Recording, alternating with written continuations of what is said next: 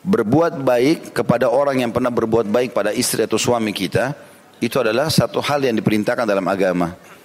Jadi Nabi Alaihissalam tetap mengenang kebaikan istrinya yang sudah meninggal dengan cara berbuat baik pada orang-orang yang pernah dekat dengan istrinya.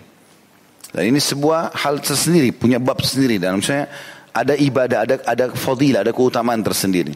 Dan ini yang disebutkan dalam hadis. Kalau setiap kali Nabi SAW dapat makanan, kiriman apa-apa, pasti dia bilang antarkan kepada si fulana. Fulana ini maksudnya nama perempuan, tapi Nabi di sini di riwayat tidak disebutkan.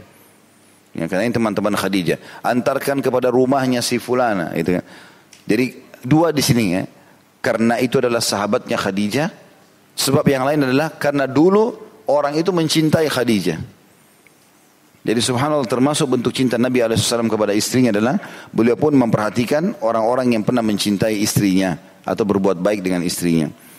Maka ini berarti setelah meninggal pasangan pun dianjurkan untuk tetap berbuat baik dengan sanak kerabatnya, orang-orang dekat dengan dia ya, termasuk mertua, ipar, orang-orang yang dekat dari sahabatnya ya.